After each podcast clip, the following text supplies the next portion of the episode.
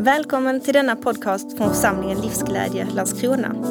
Du kommer att lyssna till en predikan inspelad från församlingens söndagsgudstjänst.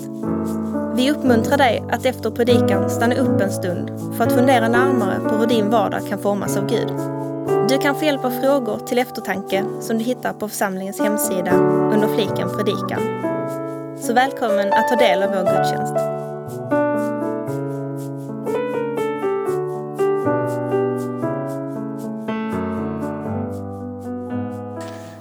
Hej på er. Är jag med? Där. Gott att få vara tillbaka hos er. Jag var här någon gång, jag vet inte om det var första april eller något sånt senast. Eh, ett stort skämt, precis. Eh, och eh, jag heter Marcus Fröding och ehm, bor med min familj i Kristianstad. Jag jobbar som pastor också i Östermalmskyrkan där sedan tio år lite drygt är det nu. Och för er som inte vet hur jag låter när jag pratar så kan jag berätta att jag är förkyld just nu. Ehm, men jag fick sanktionerat från pastor Ken att ändå komma. Ehm, och jag tänker, det kanske är bra att det är ett litet avstånd just idag när jag ska stå och spotta mot er en liten stund här. Jag hoppas det ska gå bra. Ehm, ja, det, ja precis. Var det, jag, jag har inte mycket till powerpoint idag kan jag säga, men bibeltexten dyker upp. Men den här kom med, det passade ju ganska bra insåg jag. Eh, om man vill, ett annat sätt att tolka advent. Ordet advent kommer från att den infaller i förkylningstider. Får jag låna den i halsduk? Nej, det har jag redan advent. Nej, det var inte jättekul. Men, eh, men det, det passar ju förvånansvärt bra idag. Hörrni, vi, vi ber tillsammans. Och så. Ja, tack Herre att du är här tillsammans med oss. Eh, vi ber att vi ska få ha öppna sinnen för dig, öppna öron så vi ska få höra ditt levande, livgivande ord Herre. Vi ber att du ska öppna våra ögon så vi ska få se någonting mer av den du är. Det du gjort för oss och det du har för oss Herre. Vilka vi är i dig. Eh, och vi ber att vi ska få ha också öppna hjärtan eh, för att ta emot det som du vill ge. Att vi ska få liksom vidröras av ditt eget hjärta. För oss och för den här världen Herre. Vi ber om det. Så kom och ta din plats ibland oss och tala till oss Herre. Vi ber så i Jesu namn. Amen. Eh, det är andra advent, hörni. Eh, Går fort tiden. Jag vet inte om det, det här med att ha vi har småbarn. Vi säger ofta så här, är det På spåret igen? har det verkligen gått en vecka? Eh, men det, jag tycker det snurrar på. Helt plötsligt är det andra advent. Och det här ordet advent, det har inte med förkylningstider att göra utan det betyder ju ankomst. Berättelsen om Guds ankomst till den här världen. Hur, hur Gud kommer oss till mötes på, på det mest oväntade sättet. Hur han föds in i sin egen skapelse som ett litet barn eh, i Jesus Kristus. Eh, ankomst. Jag vet inte hur många här inne har någon gång under livet trott att advent betyder väntan. Advent, det, ja, det, det är några stycken då. Va, ja, ja. Kul att få göra dig glad Emanuel. Eh, ja, men det, jag vet inte vad, liksom, vad, det, vad det kommer av att, vi, att det är så. Alltså, när man är liten kan man förstå, för då är ju liksom adventstid en lång väntan på julafton. Eh, men jag har också hört en, faktiskt en professor eh, i en församling en gång som jag var med i som, som predikade utifrån att ordet advent betyder väntan. Det blev en väldigt bra predikan, men det var ju fel. Det betyder ankomst. Men det är ju adventstid en väntan på en ankomst, helt klart. Och granne med väntan så bor ju längtan. Eh, och jag tänker att här med längtan, ordet längtan, det skulle jag vilja säga någonting om i den här predikan. Eh, vi kan ju tänka, alltså längtan är ett sånt där härligt ord tycker jag. Men om man tänker på vad det, vad det handlar om så handlar det om att leva med en brist, eller hur? Leva med någonting som man inte har sett, inte fått. Så på något sätt kan det vara ganska smärtsamt. Eh, man kan ju ställa sig den här frågan, så här, vad, vad längtar du efter? Jag, jag, tycker att det är en lurig fråga. Jag tycker att det är svårt att svara på den. Så här, eh, längtar efter Jesus eller längtar efter en hamburgare? eller vad längtar jag efter egentligen? Eh, frälsning, det önskar man att det ska vara i alla fall. Eh, men det känns som det finns ganska många olika bottnar sådär, i det där. Jag tänker kanske en bättre fråga så här, vad riktar vi vår längtan mot? Vad liksom spanar vi efter i horisonten? Och när vi liksom går till, eh, vi ska strax läsa en bibeltext här, men när vi, när vi liksom går till Bibeln så verkar det där också vara den ständiga inbjudan att rikta oss. Ehm, jag tänker när, vi, när, när Bibeln beskriver kärleken, vi kan ju tala om kärlek som något självklart positivt. Ehm, jag tänker det är väl alltid bra att älska något. Ehm, men, men, men Bibeln talar ju om att kärleken till pengar är roten till allt ont. Eller hur? I Johannes 3 så, så står det att de älskade mörkret mer än ljuset. Eh, det verkar som att vi kan älska rätt mycket olika saker och det är inte självklart att kärleken i sig bara är, är någonting positivt. Eh, men den riktar oss åt något håll. Det blir tydligt i, när, när Jesus pratar om att där din skatt är, det kommer ditt hjärta att vara, eller hur? Eh, det kommer rikta oss någonstans där vi lägger liksom vårt hjärta i. Och det är också väldigt, eh, vi kommer vara riktade mot det vi älskar. På samma sätt tänker jag så kommer vi vara riktade mot det vi längtar efter. Och på samma sätt kommer det också vara vår bön. Det står i någon av psalmerna, nu blir jag osäker på vilken, men att hela min längtan ligger öppen för dig, Herre. Jag tänker två saker med det här. Det ena är att det ligger öppen för dig Herre, inte för alla människor. Det är inte alltid tydligt vad vi längtar efter inför andra, men inför Gud är det öppet. Han ser. Men det betyder också att om vi, vi kan längta efter ganska många olika saker. Det finns en djup längtan, men det som är vår längtan, eh, det kommer ligga öppet för Gud och det kommer också vara vår bön, vår djupaste bön. Eh, Hörrni, det är också så här att förra veckans evangelietext det var Matteus kapitel 21 om när Jesus rider in i Jerusalem och vi ska stanna kvar i den idag eh, lite till. Och jag tänker att jag läser den och den kommer här också. Från Matteus 21, vers 1-9. När de närmade sig Jerusalem och kom till Betfage vid Olivberget skickade Jesus iväg två lärjungar och sa till dem Gå bort till byn där framme så hittar ni genast ett åsnesto som står bundet med ett för bredvid sig. Ta dem och led dem hit. Om någon säger något ska ni svara, Herren behöver dem, men han ska strax skicka tillbaka dem. Detta hände för att det som sagts genom profeten skulle uppfyllas. Säg, säg till dotter Sion, se din konung kommer till dig, ödmjuk och ridande på en åsna och på ett föl, ett lastdjurs föl. Lärjungarna gick bort och gjorde så som Jesus hade sagt åt dem. De hämtade åsnan och fölet och la sina mantlar på dem och han satt upp. Många i folkmassan bredde ut sina mantlar på vägen, andra skar kvistar från träden och strödde dem på vägen. Och folket, både de som gick före och de som följde efter ropade Hosianna, Davids son, välsignad är han som kommer i Herrens namn. Hosianna i höjden. Och jag skulle utifrån den här texten vilja säga någonting om att rikta sin längtan och också vårda sin längtan. Eh, jag vet inte om, om du är en sån som gillar att bli så här överraskningsuppvaktad. Jag tänker att det är lite olika bland oss. Vissa av oss skulle liksom älska att det kommer in en bunt eh, vänner liksom plötsligt på ens födelsedag och liksom gör något med en. Sådär. Och andra skulle bli ganska obekväma och inte tyckte att det var särskilt härligt eller uppmuntrande.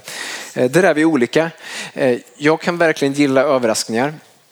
Eh, men något som jag faktiskt inte uppskattar, eh, jag tänker det kan vara bra att veta om det är någon som får för sig att göra det. Det, det, det är tanken på att bli överraskad med en så här lång resa någonstans. Eh, jag vet inte om det är några som har, av er som har blivit det och gillar det. Men ni vet det här att man blir liksom kidnappad och så blir man liksom satt på ett flygplan till en härlig destination och så ska man ha det gött tillsammans. Jag tror att det säkert skulle kunna bli ganska bra på ett sätt. Eh, och eh, man, skulle kunna tänka sig att det handlar lite om, om någon slags kontrollbehov, att jag vill ha koll på läget. Men jag tror mest att det handlar om en annan sak. Eh, nämligen att jag skulle känna mig snuvad på möjligheten att få längta efter resan. att liksom få se fram emot den. Det skulle ju kunna liksom förgylla mitt liv jättemycket om jag fick veta det här, hade vetat det här. Och att den där liksom längtan är någon slags förberedelse eh, för att verkligen ta emot det som väntar. Själva upplevelsen. Eh, det är något med längtan och den väntan det innebär att längta efter något som jag tänker inte är oviktigt. Eh, utan som verkligen verkar fylla en tydlig funktion i våra liv. Jag ska också säga att det kommer ingen mer bild än det där. Så att, eh, om ni liksom tappar bort det bara så kan ni sitta och titta på det där. så. Eh, samtidigt så, så lever vi i en, en konsumtionskultur präglad av eh, att det omedelbara, att kunna få allt nu på direkten är något självklart gott. Eh, kan man eliminera all väntan så vore det det bästa. Kan man hitta genvägar till ett hälsosamt liv, till liksom en snabb karriär och bra, till lycka eller kanske till och med till andlig mognad. Ja, men då skulle vi göra det. Eh, att till exempel spara ihop pengar för att köpa någonting sen. Det är ju liksom en förlegad och nästan kränkande tanke eh, i vår tid. Eh, jag hittade något citat av Oprah Winfrey. Hon lär ha sagt att vi köper saker vi inte behöver för pengar vi inte har för att imponera på människor vi inte känner. Ju, jag vet inte om det är så, men det är ju deppigt i så fall. Eh, men det här att behöva vänta på någonting och att det till och med skulle kunna vara något gott.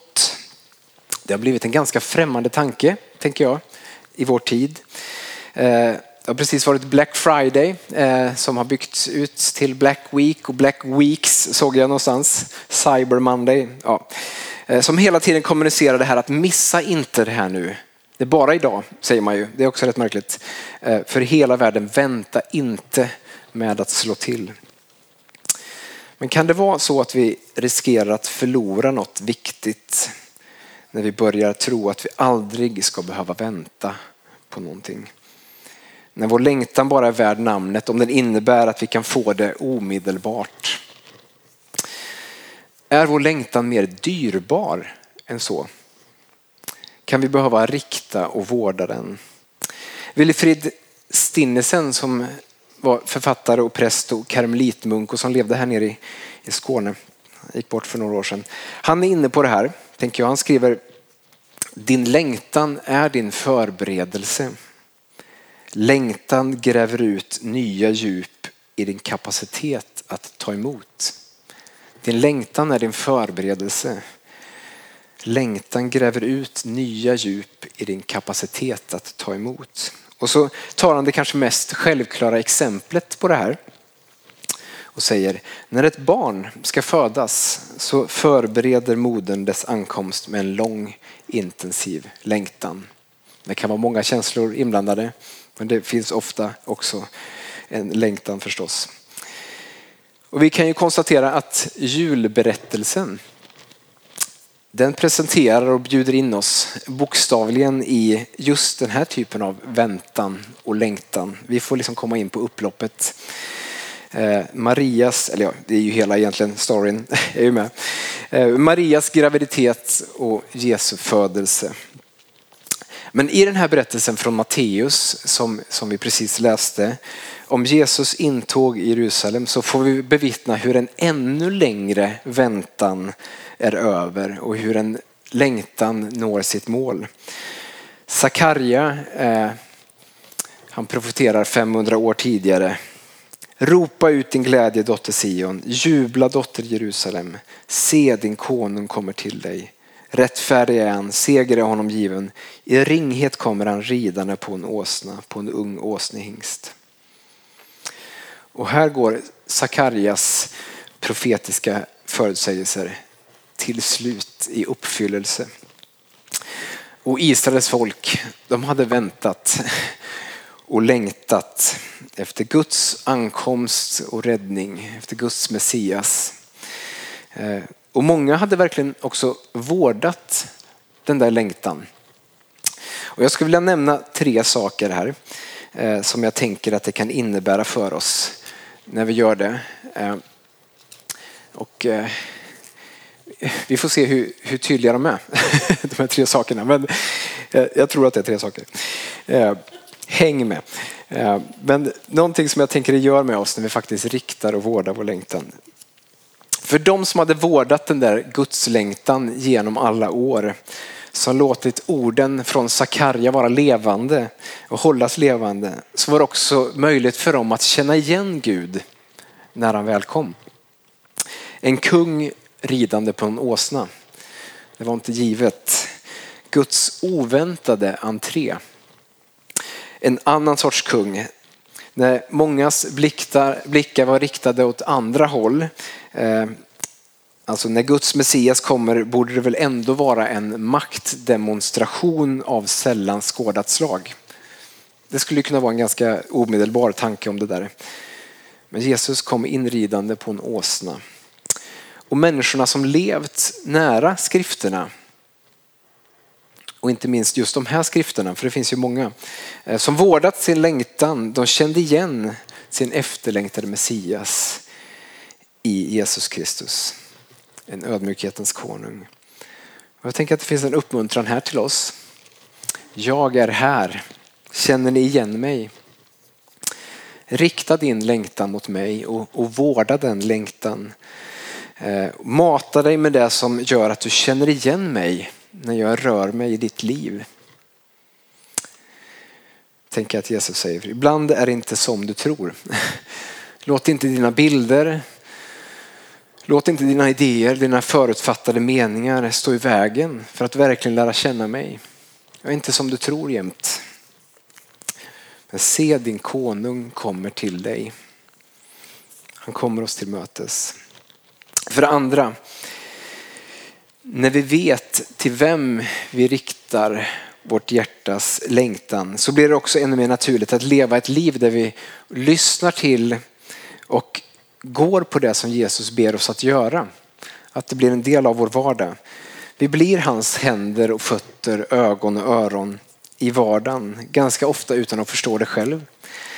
Ehm, det går nästan lite obemärkt förbi den här berättelsen tänker jag. Men, men här ser vi hur Jesus genom övernaturlig kunskap från den helige ande uppmanar lärjungarna att hämta åsnan och åsnefölet i, i den här byn en bit fram. Jag tänker inte att han har varit där och rekat. Jag tänker att han vet det ändå. Ehm, det vi skulle kalla för ett kunskapens ord idag med, med, med Paulus vokabulär. Ett kunskapens ord från den helige ande. Och när de här lärjungarna som vandrar med Jesus och som valt att lita på honom också gör det han säger, då blir den plötsligt del av ett profetiskt skeende eh, som är mycket större än deras egna liv, som är mycket större än deras egen längtan eh, och deras egna förhoppningar och som får välsigna många andra människor än de själva. Och det här är ju liksom trots att de troligen inte riktigt vet eh, vad, vad, de, vad de gör, vad som är på gång. Eh, trots att de inte sett uppfyllelsen av alla löften. Eh, trots att de lever med både längtan och säkert någon slags otålig väntan. Eh, så hade deras längtan fått en tydlig riktning mot Jesus själv. Det var med honom de gick. Mot honom de riktade sin längtan. Det var inte att de var i mål som gjorde dem till lärjungar. Det var att deras längtan och tillit var fäst vid Jesus. Stinnelsen igen. Din längtan är din förberedelse. Längtan gräver ut nya djup i din kapacitet att ta emot. Och vi kanske kan lägga till i vår kapacitet att ge vidare. För det tredje. När vi väljer att rikta vår längtan mot, mot Gud och vårda den så kommer vi också märka hur det väcker en, en glädje och en tacksamhet och en naturlig tillbedjan mitt i vår brist och uthålliga väntan på Guds ingripande. Guds ankomst in i din och min situation.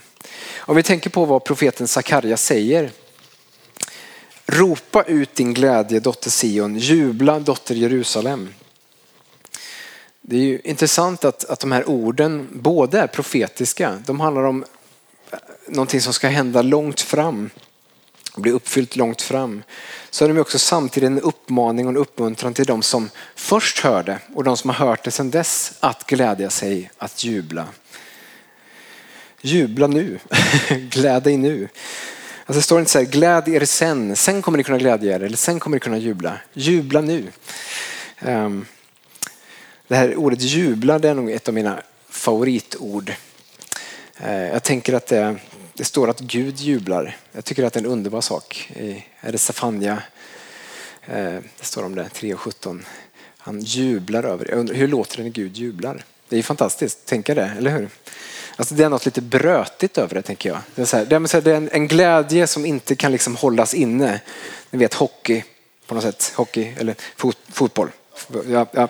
Eh, eh, lite stökigt på något sätt. Och när Jesus rider in på åsnan i Jerusalem eh, och när det som händer där som de har väntat på och läst om i generation efter generation så tänker jag att det är lite brötigt och stökigt också. Det är inte liksom bara ordnat sådär utan de, det är liksom kvistar och det mantlar. Det blir säkert liksom grusigt och snubbligt och sådär kan man tänka sig. Och så, och så ropar de. Och vad ropar de? Hosianna, Davids son. Välsignad är han som kommer i Herrens namn. Hosianna i höjden. Vad är det vi får glädja oss och jubla över? Jo, att det visat sig att Gud håller alla sina löften. Vi sjöng tidigare här, vi, vi, för, vi förtröstar på din trofasthet. Inte på vår trofasthet men på att Gud är trofast. Han håller alla sina löften. Att Gud är trofast, att han kom. Ödmjukhetens konung. Hosianna, vad betyder det ordet? Det hebreiska, det betyder rädda oss. Kom med hjälp eller kom med frälsning. Och de goda nyheterna är att Gud gjorde precis det. Han gjorde det. Vi jublar över Guds räddning, Guds överflödande nåd. En välkänd pastor och bibellärare som heter John Stott. Han, han har sagt att trons enda funktion är att ta emot vad nåden ger. Trons enda funktion är att ta emot vad nåden ger. Eh, och ju mer du och jag tror i bemärkelsen att förstå djupet av Guds nåd och vilken räddning det är så väcker det inget annat än tacksamhet, jubel och glädje även mitt i vår väntan och längtan tänker jag. Jag tycker jag märker i mitt eget liv att jag, att jag liksom behöver vara lite noggrann med min egen längtan. Jag tror inte jag tänkt så tidigare men jag har liksom börjat tänka så. Jag behöver vara noggrann med min egen längtan. Eh, och med det menar jag att det jag behöver vara noggrann med är att rikta den och liksom vårda den eh, mot det jag djupast vill eh, och behöver. Mot Jesus själv. Ehm, och allt det vi har i honom. Man kan ju fråga sig, så här, längtar vi inte automatiskt efter det som är gott? älskar vi inte automatiskt det vi borde älska. det verkar ju inte så. Ehm, min erfarenhet är i alla fall att det inte riktigt är så. Djupast sett så tänker jag att vi gör det, vår djuplängtan. Djupast sett så längtar vi efter Jesus, efter den enda som kan möta våra djupaste behov. Men ganska mycket kan skymma det där. Vi lever i en värld där så mycket är redo att forma och fånga vår längtan så mycket som vill berätta för oss vad vi behöver. Eh, vad vi absolut inte kan vara utan. Eh, vilka vi borde bli. Eh, vår konsumtionskultur. Eh, våra sociala medier-flöden är, är fyllda av det.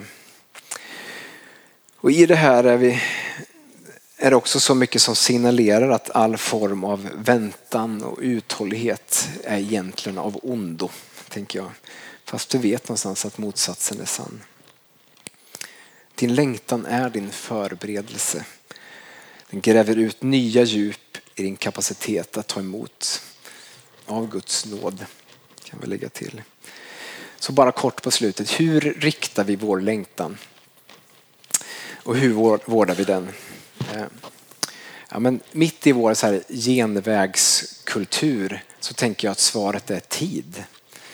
Eh, för att lära känna någon så behöver vi spendera tid tillsammans. Det finns ju inga genvägar där egentligen. Ehm, vi blir som vi umgås också. Ehm, och så tänker jag att det är också med, med Gud. Ehm, att hitta sätt att faktiskt få spendera tid tillsammans i ordet, i, med bröder och systrar. Eh, I uppriktig bön. Att få liksom förenas med Guds intressen i den här världen. Det är också ett väldigt, väldigt bra sätt att lära känna Gud. Ni vet om man ska liksom lära känna Håkan. Då tänker jag, då hänger man ju på honom när han grejar med honungen på något sätt. Då, liksom, då fattar man, här har vi Håkans passion. Det har många personer ju. Men så tänker jag med Gud också. När vi liksom förenas med Gud i det som är hans passion. Att liksom älska människor, se människor upprättade. Där kan vi också lära känna Gud väldigt tydligt. Eh, det var en, en, en kille i häktet som jag träffade ganska nyligen, som jag träffat några gånger där. Som är lite stammis. Eh, han, när jag träffade honom senast sa han så här, det är annorlunda den här gången. Det kan man ju höra ibland. Men, eh, eh alltså, men de här fyra månaderna har varit, det har varit, något, det har varit annorlunda. Eh, han har fått en samsittare, alltså en rumskompis. Och vi ber varje kväll. Eh, vi, liksom, vi pushar varandra i, i rätt riktning båda två. Jag har börjat läsa Bibeln och det liksom känns annorlunda nu när jag läser Bibeln. Eh, och jag märker liksom att, att det gör något med mig jag börjar liksom längta efter andra saker.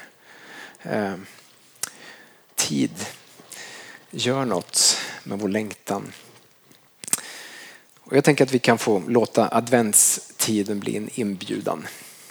Det är bra med sådana här tider på året. Fastan innan påsk är också jättebra. Eh, och egentligen så är alla tider en, en sån här tid. Men adventstiden kan få vara en inbjudan att på nytt få rikta vår längtan mot den som kommer oss till mötes och han kommer oss till mötet för att berätta hur mycket han älskar oss, eh, hur mycket han älskar dig och hur mycket han älskar mig. Hur dyrbara vi är för honom. Att han har bemödat sig att födas in i den här världen för att göra det klart. Vi kan få låta adventstiden bli en inbjudan att, att ännu mer lära oss att också vårda den längtan. Att ständigt, så att vi liksom, den ständigt spanar efter det som Gud gör i våra liv och i vår omgivning. Att Gud rör sig och det han har för oss. Guds ankomst in i våra liv, mitt i din och min brist. Mitt in i den här världens brist. Ehm, för se, din konung kommer till dig. Amen. Mm, tack Herre att du kommer till oss. Tack för din liksom, oväntade och förundliga ankomst till den här världen och in i våra liv. Och Herre, vi ber att vi skulle få vara noggranna med att rikta vår längtan till den som vi liksom djupast sett vet kan liksom föra oss i rätt riktning. Djupast sett kan liksom forma oss till de vi är. Och vi ber också om hjälp i den här tiden att få vårda den längtan. Vi ber att vi ska få liksom se mer av det du ser. Få liksom, eh, höra det du hör, och få ge det du ger, tala det du talar. Herre. Så vi ber mitt, mitt i vår liksom, tillvaro som bara snurrar på. Eh, där liksom på spåret känns som det är varje dag. Så ber vi också, också att, liksom, om tiden att få umgås med dig, att få, få liksom se att vi kan göra det på många, kanske fler platser än vad vi tror, Herre. Vi ber att vi skulle få formas i din närhet. Vi ber om det, ditt namn till ära. Amen.